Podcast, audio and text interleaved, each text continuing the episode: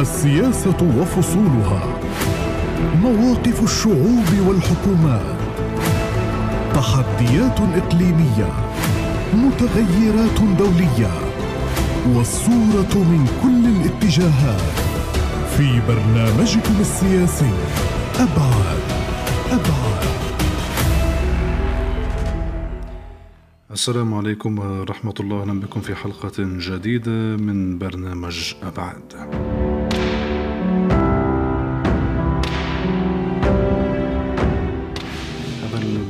السياسي مستمعينا الكرام والذي نكون فيه مع حضراتكم عند دقات الساعة الثانية مساء من يوم الاثنين مع كل يوم اثنين جديد.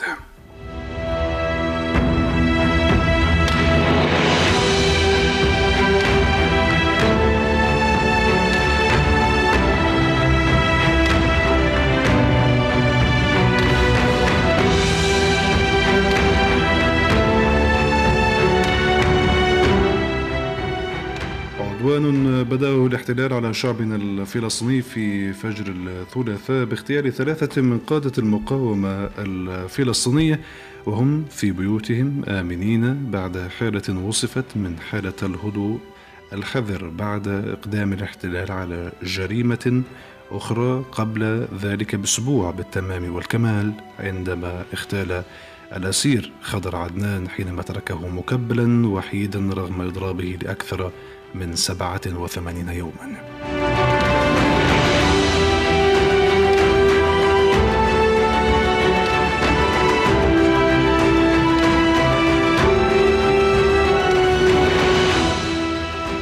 هذا العدوان والذي استمر خمسة أيام بعد أن قررت المقاومة الفلسطينية بعد ترتيب أوراقها أن ترد على عدوان الاحتلال بشكل مختلف وبتكتيك وصف برسم لقواعد اشتباك جديدة بتأخير الرد لخمسة وثلاثين ساعة والاحتلال ينتظر متى يثأر الأحرار.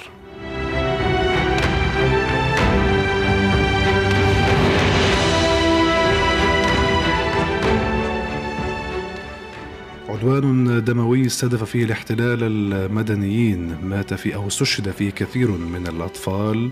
وعدد من النساء داخل منازلهم آمنين المقاومة الفلسطينية ترد بضربات صاروخية موجعة في أراضينا المحتلة. ردا على هذا العدوان لأن وصل أخيرا إلى حالة من التهدئة بعد تدخل مصري وفشل الجهود لأكثر من مرة نتيجة استمرار جرائم الاحتلال وإصرار المقاومة الفلسطينية على مطالبها.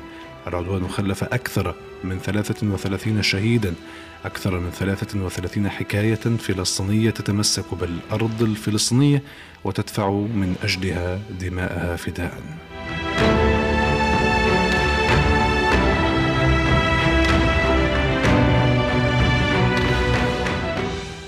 على كل الأحوال كثيرة هي التفاصيل المحاور الأبعاد. لماذا أقدم الاحتلال على هذا العدوان؟ لماذا هذا التوقيت؟ أسئلة كثيرة تسأل.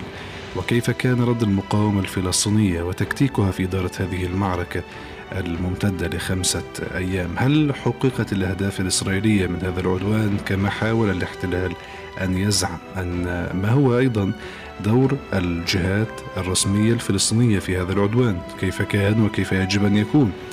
وكيف يمكن أن نوقف هذا الإجرام الإسرائيلي خاصة مع تزامن ذلك مع الذكرى الخامسة والسبعين للنكبة الفلسطينية وجرائم الاحتلال ما زالت تتواصل.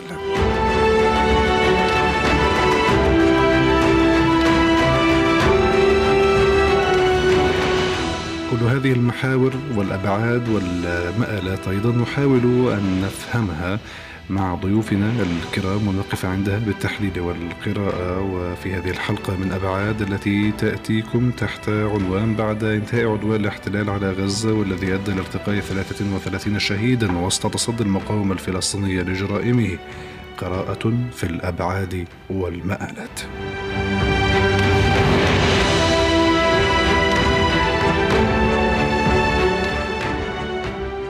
معي ضيوف كارم في هذه الحلقة السيد خالد صادق الكاتب المحلل السياسي من غزة. كما سينضم إلي تباعا السيد حسن عبدو المختص بالشأن الإسرائيلي.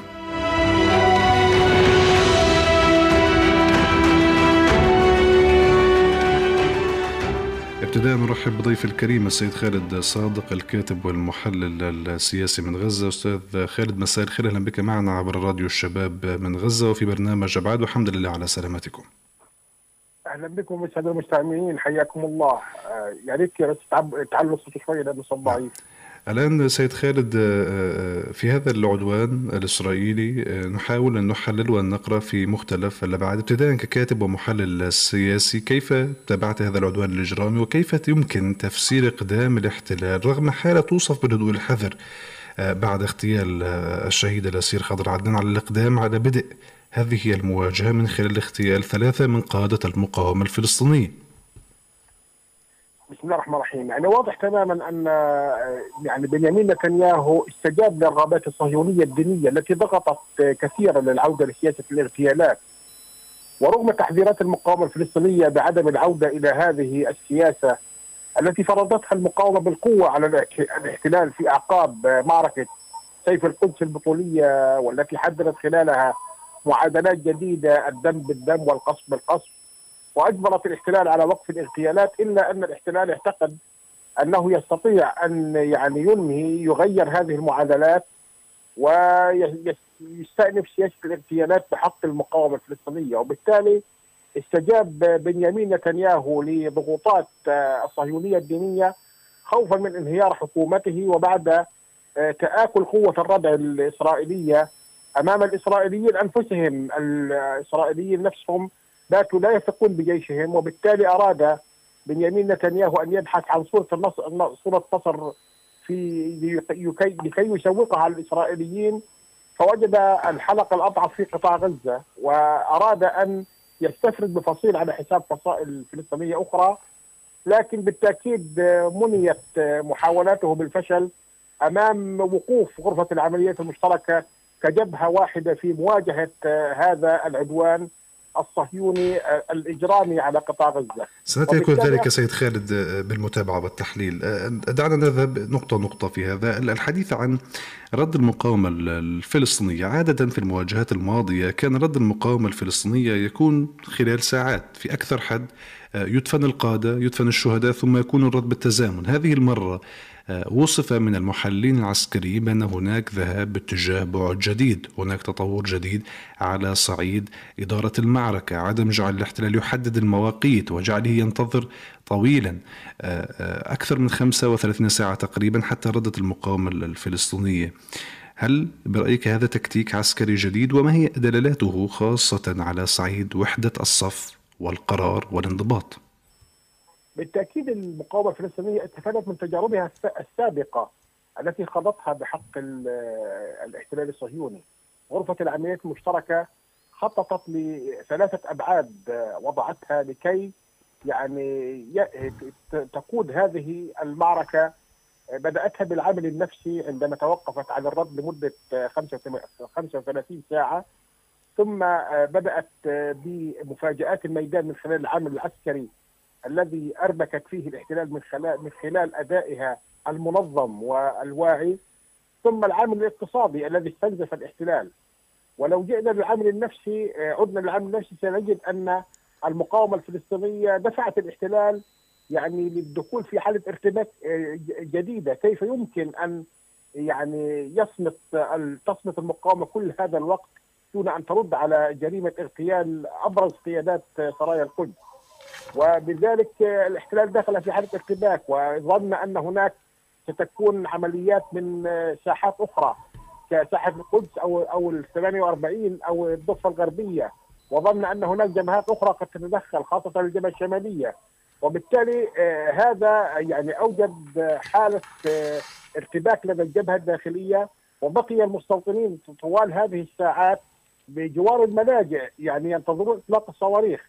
وعندما آه، يعني آه، صمدت المقاومة كل هذا الوقت اضطر بنيامين نتنياهو للبدء بعمليات قصف لقطاع غزة لجر المقاومة إلى الرد. وهذا ما حدث بعد 35 ساعة عندما انتقلت المقاومة إلى العامل الآخر هو العامل العسكري فأمطرت مستوطنات قطاع آه، غزة بأكثر من 300 صاروخ في الساعات الأولى.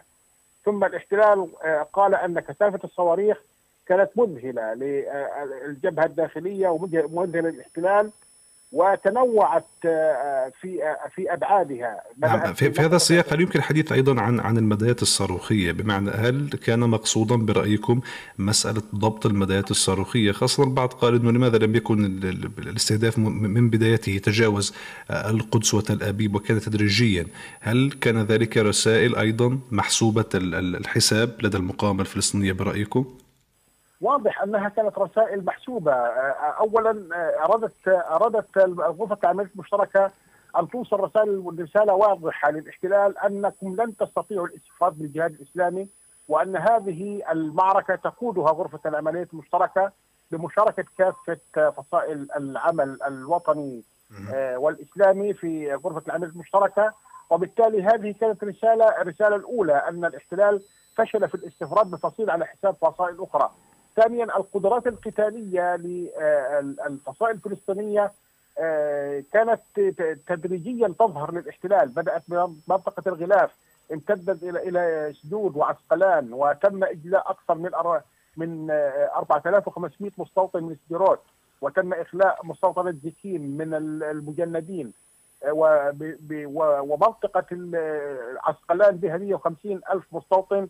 تم يعني فتح الملاجئ لهم وفتحت الملاجئ آه، حتى في تل أبيب وفي شول سيون وفي بيت يام وفي مناطق في الوسط. وبالتالي هذه هذا التدرج في العملية كان هدفه إرسال رسائل واضحة للاحتلال. كلما آه، زادت عمليات القصف لقطاع غزة كلما امتدت صواريخنا إلى مناطق أخرى وطالت أماكن أخرى. والصاروخ الذي وجه إلى منطقة القدس هذا كان يحمل رسائل واضحة للاحتلال.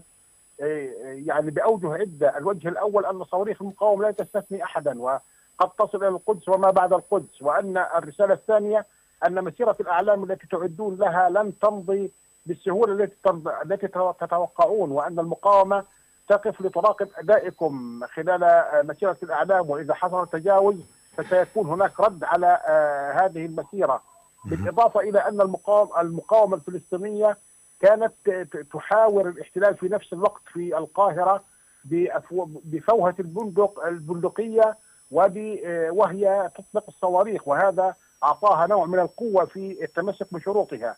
كل هذه آه، يعني اذا إن عدتم عدنا وإن زدتم زدنا كان هذا شعار المقاومه الفلسطينيه في هذه المعركة وفيما يتعلق بالتدريج. لكن على على صعيد الشروط التي تطرقت إليها حضرتك قبل أن نذهب إلى الرد المشترك بأكثر توسعا آه، كان هناك حالة من اللغط من, من الاختلاف من من من الحديث ونفيه بين حول شروط المقاومة الفلسطينية خلال عملية التفاوض. هناك من تحدث إنه كان هناك مطالب باستعادة جثمان الأسير الشهيد خضر عدنان. هناك مطالب تتعلق بوقف اغتيالات قادة المقاومة الفلسطينية.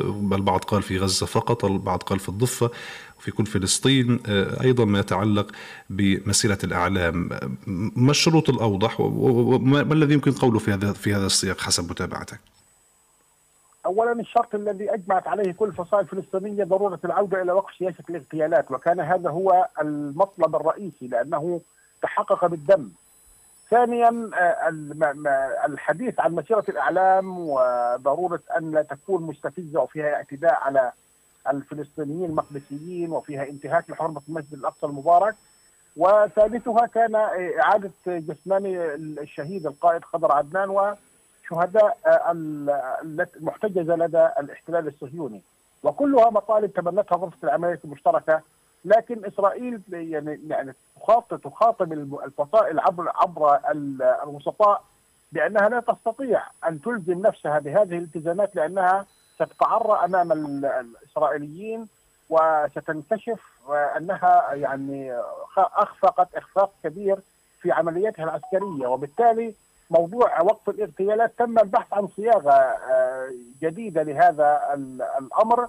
وموضوع آه، يعني خضر عدنان وتسليم الجسامين آه، ترك كعامل إنساني للاحتلال في أي وقت ممكن أن يقوم بالإفراج عن بعض الجسامين من ضمنهم جسمان آه، الشهيد القائد خضر عدنان. أما موضوع المسيرة مسيرة الإعلام فالاحتلال تعهد بأن لا يكون فيها استفزازات وأن لا يمارس طقوس تلمودية داخل باحات المسجد الأقصى المبارك وأن تبقى في إطار يعني ليس فيه استفزاز أو اعتداء على المقدسيين. وهذه صحيح أنها غير مكتوبة لكنها لكن هناك شهود وسطاء على مثل هذه الاتفاقيات التي تم التوقيع عليها. الأمر الأساسي الذي ركزت عليه المقاومة هو وقف سياسة الاغتيالات وهذا بحد ذاته ممكن أن يفسر على أنه مكسب لفصائل المقاومة الفلسطينية أنها منعت الالتفاف الإسرائيلي على المعادلات التي فرضت بالقوة وحققت إنجاز بأنها يعني ألزمت الاحتلال بعدم استهداف المقاومين الفلسطينيين. وهذا ربما البند الواضح المكتوب وهو ما عرف باستهداف الأفراد، على كل الاحوال هل برأيكم المعركة توقفت في الزمان والمكان الصحيحين وبالشروط الصحيحة أم أنه آه، آه، كان يمكن أن تستمر لمدى أطول آه، حتى استمرار مسيرة الإعلام؟ وهل على الجانب الآخر برأيكم حققت الأهداف الإسرائيلية من ورائها؟ بالتأكيد المعركة توقفت في وقت مناسب يعني خمسة أيام أو ستة أيام من اندلاع هذه المعركة أرهقت الجبهة الداخلية الإسرائيلية وكانت هناك ضغوطات شديدة تدخلت الإدارة الأمريكية بشكل مباشر. الاتحاد الأوروبي عرض الوساطة لأول مرة لكي يقوم يعني إيجاد حل لعملية وقف إطلاق النار. زعماء عرب انتقلت المحادثات من قيادات أجهزة أمنية إلى تدخل مباشر من الزعماء العرب آه، في لإقناع آه، المقاومة الفلسطينية بوقف آه، بوقف هذه المعركة. وكان هناك يعني تدخل لعدة دول قطر و ومصر تدخلت بقوة والامم المتحدة تدخلت بقوة الإدارة الأمريكية والاتحاد الأوروبي عرض الوساطة. كل هذه الأمور يعني تدل على أن كانت هناك يعني ضغوطات كبيرة تمارس على المقاومة الفلسطينية وأن المقاومة وصلت إلى النقطة التي تريد عندما يعني آه، أوقفت الاغتيالات.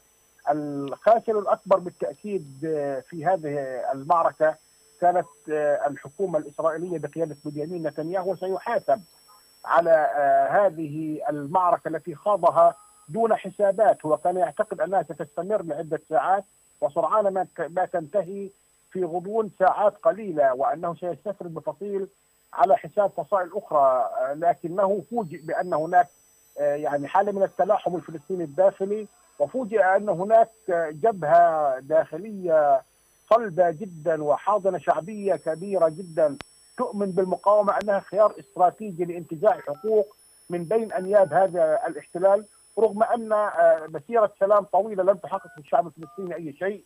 فأصبح ايمان الفلسطيني بالمقاومة أنه إيمان مطلق لأنه يدرك أن الحقوق لا تمنح إنما تنتزع انتزاعا من بين انياب الاحتلال. وبالتالي كان آه، يعني كان هذا الصمود الأسطوري للحاضنه الشعبية في مواجهة كل هذا القتل الذي تعرض له شعبنا. ويكفي أن تعرف أن 33 شهيد من بينهم 11 شهيد من الجهاد الإسلامي وبقيتهم من من المدنيين الأبرياء أطفال ونساء. وشيوخ ومن ليس له أي علاقة بالفعل المقاوم لكن الاحتلال لا يفرق بصواريخه بين فلسطين وآخر هو يقتل ويسفك الدماء ولا يجد من يحاسبه على مثل هذه الجرائم. الاحتلال دائما يحاول أن يستفرد آه، ويفرق سيد خالد سواء بالجغرافيا أو بالتنظيم فتارة يستفرد بنابلس دون جنين ومرة أخرى في القدس وكذا بأريحة. وبين الفصائل حتى يحاول أن يجعل المعركة مرة مع حماس مرة مع الجهاد مرة مع كتاب شهداء الأقصى في الضفة. هل نجح في ذلك؟ وهل ترى أن الاحتلال بالفعل بات من الواضح جدا أنه يعتمد على سياسة فرق تسد؟ هذا نهجه يعني دائما يعتمد على على سياسة فرق تسد لكن نحن يعني ندرك أن هناك تعقيدات في الضفة الغربية في الفعل المقاوم. الفلسطينيون لا يواجهون إسرائيل وحدها إنما يواجهون أجهزة أمن السلطة أيضا التي تقوم بمنع العمل المقاوم في الضفة الغربية.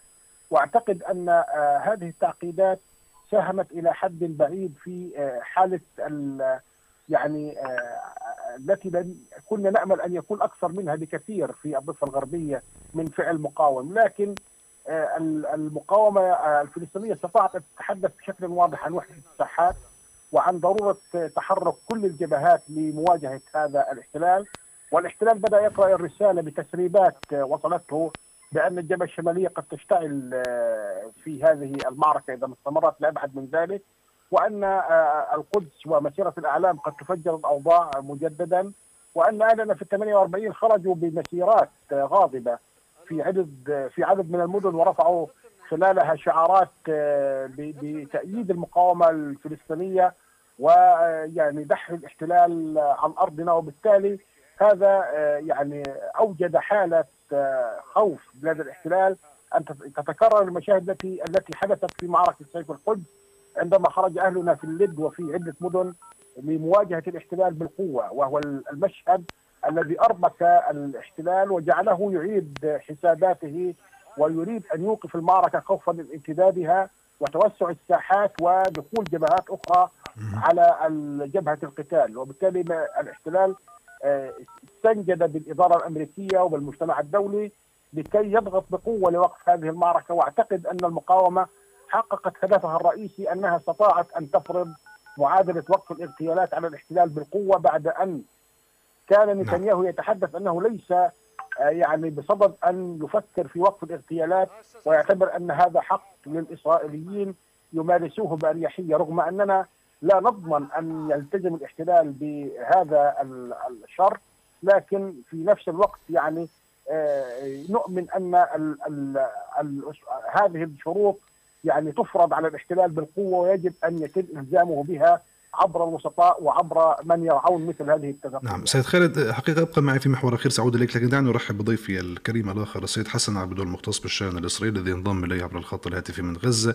أستاذ حسن مساء الخير أهلا بك معنا عبر راديو الشباب وفي برنامج أبعاد وحمد لله على سلامتكم. أستاذ حسن؟ أستاذ حسن إذا كنت تسمعني مساء الخير. لا أسمع جيدا يعني لا أسمع نعم. أهلا بك. إذا كنت تسمعنا الآن أنت على الهواء عبر راديو الشباب في برنامج أبعاد. نعم سنعود إليك أستاذ حسن بالتأكيد في إطار هذه الحلقة من برنامج أبعاد. أعود إليك من جديد سيد خالد. تحدثنا أيضا فيما يتعلق بالرد تحت إطار غرفة العمليات المشتركة وإلى أي مدى كان ذلك عاملا فارقا؟ ليس على صعيد زيادة القدرات القتالية وحدها بمعنى أن القوة الصاروخية من هذا التنظيم وذاك تزيد من من قوة المدايات الصاروخية. والاحتلال تحدث أنه تعرض لأكثر من ألف مقذوفة صاروخية خلال خمسة أيام. على على صعيد عسكري هل بات واضحا في هذه المعركة زيادة العتاد العسكري لدى الفصائل الفلسطينية وكيف تبع ذلك اسرائيليا؟ يعني دعني أعود خطوة إلى الوراء. يعني في أعقاب معركة سيف القدس تحدث الاحتلال عن على أنه قام بتدمير مترو حماس وهو يقصد بذلك الأنفاق والآلة العسكريه لفصائل المقاومة الفلسطينية وأنه قام باضعافها وأنه لن تقوم قائمة للمقاومة لمدة سنوات طويلة بعد هذه الضربات الموجعة التي تعرضت لها. اليوم ثبت بشكل واضح أن نتنياهو كان يكذب على الإسرائيليين عندما قال أنه قضى على قدرات المقاومة في معركة سيف القدس. واليوم نتنياهو يتحدث عن استهداف أكثر من 300 هدف لحركة الجهاد الإسلامي وحدها وأن الحركة تملك أكثر من 6000 صاروخ حسب التقديرات العسكرية الإسرائيلية. وبالتالي هذا يدل على أن نتنياهو كان يسوق للوهم وكان يحاول أن يقنع الإسرائيليين أن ضرباته باتجاه المقاومة أضعفتها ولم وبدأت المقاومة تخشى أن ترد على هذه الهجمات التي يشنها على الضفة الغربية وقطاع غزة. وبالتالي هذه النظرية سقطت تماما والمقاومة الفلسطينية دللت بشكل واضح على أنها تملك قدرات متزايده وأن كل معركة تشهد تطورا في الأداء الميداني والعسكري لفصائل المقاومة الفلسطينية، هذا الأداء الذي أذهل المنظومة الأمنية والعسكرية الإسرائيلية وبدات تقف أمام الصاروخ. عندما تطلق صاروخ يكلفها مليون دولار آه يعني يسمى آه مقلاع داوود. مقلاع داوود. تطلق هذا الصاروخ لوقفه ورغم ذلك يخفق في في في وقت في هذا السياق قبل قبل أن تكمل في هذا السياق حقيقة دعنا نشير لبعض الأرقام.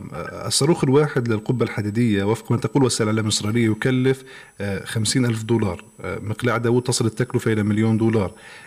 التكلفة العملياتية لعدوان الاحتلال على غزة قدر اسرائيليا في اليوم الواحد ب 50 مليون دولار. هل برأيكم هذه الأرقام دقيقة؟ ولأي مدى تسهم في إضعاف الجبهة الداخلية الإسرائيلية على صعيد الكلفة ورفع كلفة هذا الاحتلال على الأرض. المستوطن الذي يأتي إلى هذه البلاد لا يأتي لأنه مقتنع أن هذه أرضه، هو يأتي فقط لكي يحقق مكاسب مادية من وراء جلوسه آه، على هذه الأرض، هم يقولون يقولون أن هذه أرض فلسطين أرض العنب والتين وأرض الخيرات والثروات ولذلك جاءوا لأجل تنمية قدراتهم المادية، لكنه هو مقتنع أن هذه ليست أرضه، وبالتالي إذا لم يتوفر له الاستقرار الاقتصادي فلن يعيش على هذه الأرض، لذلك نتنياهو يدرك تماما أن هناك أكثر من خمسة مليون لاجئ أصبحوا يجلسون بجوار الملاجئ والحياة تعطلت تعليميا والمواصلات توقفت ومطار بن غوريون خرج عن الخدمة والشركات الاقتصادية توقفت ورحلات الطيران توقفت وكثير من رحلات السياح ألغيت. وهذا كله سبب خسائر كبيرة للاحتلال الصهيوني. وبالتالي هذه الخسائر انعكست على يعني الحالة الاقتصادية. دع... سعر الدولار وصل إلى رقم غير مسبوق. دعنا نقف عند هذه هذه الخسائر الأكثر. حقيقة ابقى معي في السؤال الأخير. سأعود إليك سيد خالد. أرحب من جديد بالسيد حسن عبد عبدو المختص بالشان الإسرائيلي من غزة. أستاذ حسن مساء الخير. أهلا بك معنا من جديد في برنامج أبعاد. أهلا وسهلا بكم. تفضل. أهلا بك. نتحدث آه، مع حضرتك في برنامج ابعاد تحت عنوان بعد انتهاء عدوان الاحتلال على غزة والذي أدى لارتقاء 33 شهيدا وسط تصدي المقاومة الفلسطينية لجرائمه. قراءة في الأبعاد والمآلات ومعي على الخط الآخر السيد خالد صادق الكاتب والمحلل السياسي. أستاذ حسن آه، بالحديث عن هذه المواجهة التي بدأت بغدر للاحتلال بقادة المقاومة الفلسطينية بحالة آه، يمكن وصفها بحالة الهدوء الحذر بعد اغتيال خضر عدنان هل برأيكم الاحتلال نقول غادة لأنه عادته النكس بالعهود منذ آه، آه، بدء التاريخ لكن هل قدر أهدافه بشكل دقيق في هذه العملية التي ابتدأها هذه المرة؟ لا أعتقد أن الاحتلال يمكن أن يحقق أي هدف في أي مواجهة مع غزة لا يوجد نصر في غزة ولا يوجد هدف قابل للتحقيق في غزة. على سبيل المثال آه، كان الهدف المعلن آه، هو آه، ترميم الردع لكن ما حصل أن هو شكل من أشكال انهيار للردع بل انهيار للأمن. وإسرائيل خسرت خسارة استراتيجية لا يمكن تعويضها بضرب إسرائيلي بهذه الكثافة وبهذه القوة. هذه الضربات هي أنهت ما يسمى بالهيبة آه، لتل أبيب وللمدن حيث أصبح ضرب هذه المناطق مسألة عادية. آه، لذلك آه، كما أن الميدان كان بزمام المقاتلين منذ اللحظة الأولى وحتى النهاية وكان باستطاعتهم إدخال أي مكان في دولة الاحتلال الإسرائيلي إلى الملاجئ. لذلك لا حديث عن إمكانية تحقيق أهداف من وراء ذلك. كما أن آه، مسألة الفصل وإن كانت آه، لم يتحدث عنها الاحتلال وهي مسألة جوهرية بأن أنه يريد الفصل غزة عن معركة الضفة الغربية. أيضا لم ذلك يعني. اليوم أيضا على على صعيد الأهداف الإسرائيلية سيد حسن، هل يمكن القول أن نتنياهو حاول من خلال هذه الضربة أن آه، آه، يحاول أن يحرف أنظار الجمهور الإسرائيلي من الداخل للخارج، هناك أزمة في التغييرات القضائيه تمتد أكثر من ثلاثة أشهر، المظاهرات وصلت لنصف مليون إسرائيلي يتظاهرون في الشوارع ضد التعديلات القضائية التي قام بها نتنياهو ويعتزم أن يقوم بها. آه، هل برأيكم كان واحدة من الأهداف حرف الأنظار خاصة أنه لقي مباركة من المعارضة السياسية الإسرائيلية في بداية الأمر. آه، هو بالفعل هذه أهداف لها تتعلق بالحلبة السياسية. ربما أيضا لما أشرت إليه وهو تدني آه، شعبية نتنياهو في استطلاعات الرأي. لذلك هناك مصلحة تتعلق بنتنياهو تتعلق بترميم الائتلاف بعد أن أعلن بن غفير عدم التصويت في الكنيست آه، لصالح الائتلاف. كل هذا ربما دافع لنقل المعركة آه، إلى غزة. آه، لكن صحيح هو استفاد على هذا الصعيد استطلاعات الرأي أثناء المعركة. أعطته تحسن في استطلاعات الرأي كما أن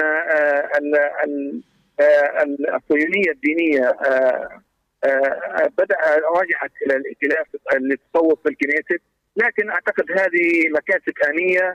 الآن تسمى السكاكين داخل الائتلاف وخارجه. نظرا لأن الاحتلال لم يحقق ذهب إلى غزة وقام بمواجهة دون أن يحقق شيئا عمليا.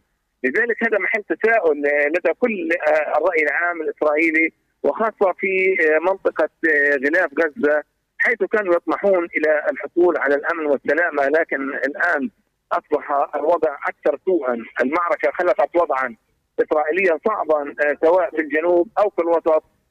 فيما لو أقدم الاحتلال على أي جريمة جديدة كما أن الإذعان الإسرائيلي والصمود في الميدان وفي المعركة السياسية نقلت الحوار والمفاوضات من الأجهزة الأمنية إلى رؤساء الدول وأصبحت رؤساء كل من مصر والأردن وقطر والولايات المتحدة الأمريكية هم محل الضغط على الاحتلال بالقبول بمطالب المقاومة. لذلك مسألة الإذعان لمنع الوقف الاغتيالات ووقف قتل المدنيين والأفراد هذا نص قوي جدا. يدين الاحتلال في ويؤكد إدانة الاحتلال نعم. واعترافه بقتل المدنيين. سناتي ذلك يا سيد حسن. نعم ابقى معي دقيقة لو تكرمت. سيد خالد أختم مع حضرتك قبل أن تغادرنا. الحديث فلسطينيا سيد خالد صادق السؤال لحضرتك.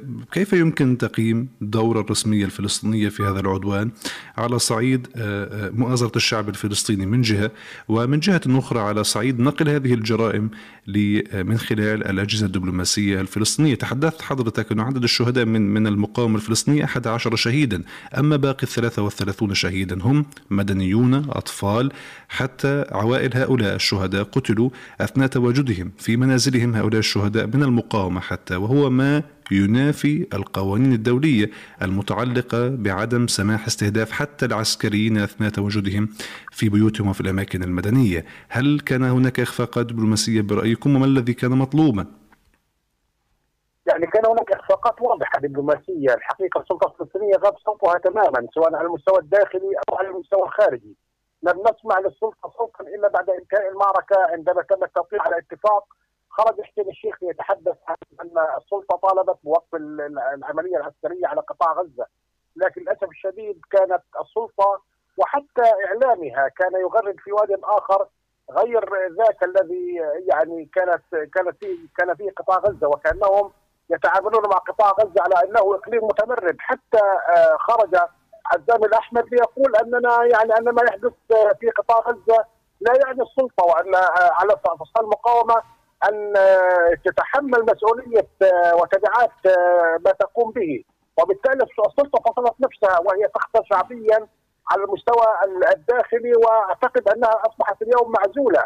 وعلى المستوى الخارجي لم يكن هناك دور للممثليات الفلسطينية في الخارج ولم يكن هناك دور حتى لممثل السلطة لدى الأمم المتحدة في فضح جرائم الاحتلال. قبل ذلك كانت هناك إدانات واضحة للاحتلال الصهيوني وتقديم لمحكمة الجنايات الدولية والسلطة فرطت في هذا الملف مجانا بضغوطات أمريكية لصالح الاحتلال. واليوم نحن نؤكد أن السلطة ستعيد الكرة مرة أخرى وتلوح بجرائم حرب وتريد أن تلاحق السلطة وفي النهاية ستلتزم بما تمليه عليه الإدارة الأمريكية من أجل إعادة فتح مكاتب منظمة التحرير واستجلاب المساعدات من الاداره الأمريكية هذا هو الثمن الذي أصبحت السلطه تساوم عليه أما دماء الفلسطينيين فقد أصبحت خلف ظهرها وهي بذلك لا تعبر عن موقف الفلسطينيين إنما تعبر عن مواقف ومصالح خاصة يعني مقترنة بها تماما. شكرا جزيلا لك سيد خالد صادق الكاتب والمحلل السياسي. شكرا على تشريفنا في هذا اللقاء من أبعاد أعود إليك سيد حسن عبد المختص بالشأن الإسرائيلي. كنا قد توقفنا مع حضرتك عند مسألة استطلاعات الرأي.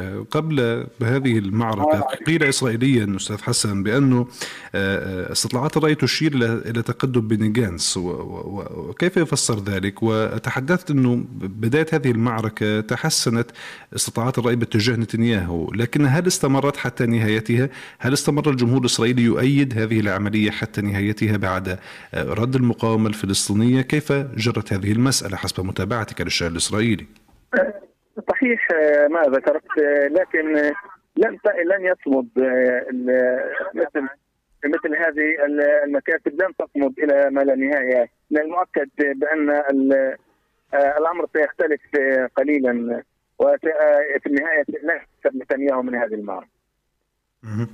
اليوم أيضا في إطار الحديث عن رد غرفة العمليات المشتركة. إلى أي مدى كان نعم يبدو أنه فقدنا الاتصال بالسيد حسن عبدو في هذه الحلقة. سنعود إليه في حال تمكنا من التواصل معه في هذه الحلقة. على كل حال كنا نتحدث عن رد الفصائل الفلسطينية من خلال غرفة العمليات المشتركة. وكنا نحاول أن نفهم إلى أي مدى كان فارقا على صعيد المتابعة لوسائل الإعلام الإسرائيلية خاصة وأنه كما قال السيد خالد صادق الكاتب والمحلل السياسي حاول الاحتلال على مدار هذه التجربة مواصلة ومحاولة الاستفراد. الاستفراد جغرافيا من خلال الاستهداف مرة في الضفة الفلسطينية في نابلس ومرة أخرى في جنين ومرة ثالثة في طول كرم ومرة رابعة في أريحة ومرة خامسة ودائمة في القدس. كذا على صعيد غزة آه، وفصائلها الفلسطينية. في مرة يحاول أن يجعل المعركة آه، الفلسطينية معركة آه، في القدس ومرة أخرى يحاول أن يجعلها في غزة مرة أخرى في الضفة مرة مع الجهاد مرة مع حماس. لكن الرد الفلسطيني كان واضحا أنه رد موحد باتجاه الرد على جرائم الاحتلال وعدم جعل الاحتلال ينتصر في هذه المعركة. الخسائر الاقتصادية الإسرائيلية وفق التقديرات كانت كبيرة جدا. الحديث أن صاروخا واحدا من القبة الحديدية يكلف خمسين ألف دولار وكل صاروخ المقاومة الفلسطينية يطلق يجابهه صاروخ آخر في محاولة ل في محاولة لتصدي لهذه الصواريخ المنطلقة ثأرا للشهداء. هي معركة سطرتها المقاومة الفلسطينية وبالتأكيد الخسائر الفلسطينية آه، كانت خسائر كبيرة ب 33 شهيدا لكن الصمود الفلسطيني يستمر وهذا هو ديدا الشعب الفلسطيني على صعيد آه، آه، مجابهة الاحتلال منذ 75 عاما ونحن نعيش اليوم في ظلال النكبة الفلسطينية الخامسة والسبعين. إذا 75 عاما على النكبة الفلسطينية وما زالت التضحيات الفلسطينية مستمرة وما زال شعبنا الفلسطيني يقدم الشهداء يوما تلو الآخر في معركة آه، تصل إلى آه، لا تصل لنهايتها إلا بتحرير فلسطين وهذا ما يؤكده الشعب الفلسطيني المتجذر في أرضه. على كل الأحوال نحن نصل لختام هذه الحلقة من برنامج أبعاد والتي جاءت تحت عنوان بعد انتهاء عدوان الاحتلال على غزة والذي أدى إلى ارتقاء 33 شهيدا وسط تصدي المقاومة الفلسطينية لجرائمه قراءة في الأبعاد والمآلات.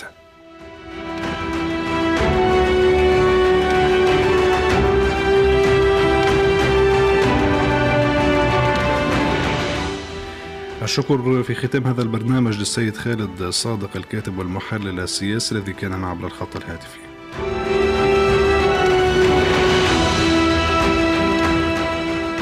الشكر كذلك للسيد حسن عبد المختص بالشأن الإسرائيلي الذي كان معنا وفقدنا الاتصال به في ختام هذا البرنامج.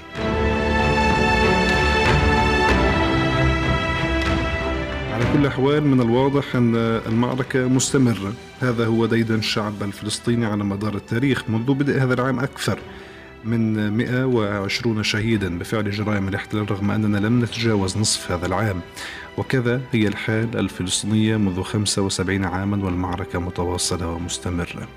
معركة الدماء الفلسطينية هي من ترسم ملامحها وملامح الطريق نحو القدس والأسرى والمصرى وتحرير هذا الوطن من آه، أسر هذا الاحتلال الغاشم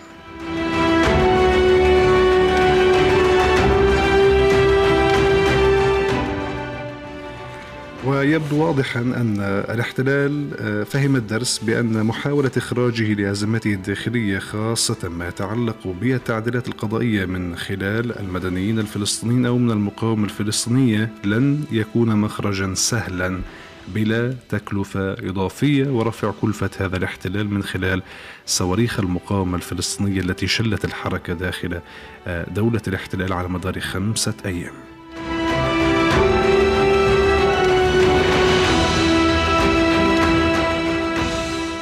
لا شك هذه المعركة مستمرة ومتواصلة والكل يقاوم. المقاوم في ساحة المقاومة الطفل في مدرسته والمعلم في مدرسته والصحفي بقلمه وصوته. الكل فلسطيني يقاوم هذا الاحتلال وهذه جولة. والجولات كثر حتى تحرير فلسطين وهذا ما لا يختلف عليه في ذكر النكبة أي أحد.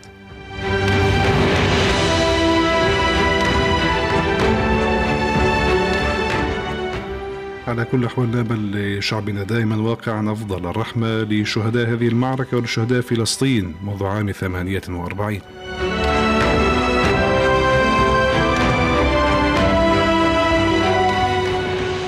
هذه الحلقة من برنامج أبعاد انتهت. أمل أن نلتقي دائما على خير الأسبوع المقبل في ذات التوقيت الساعة الثانية مساء من يوم الاثنين.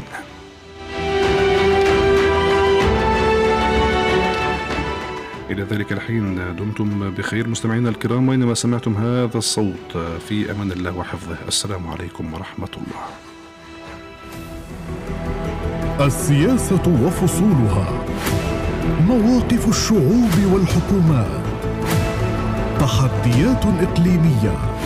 متغيرات دولية. والصورة من كل الاتجاهات. في برنامجكم السياسي أبعاد. Aragorn.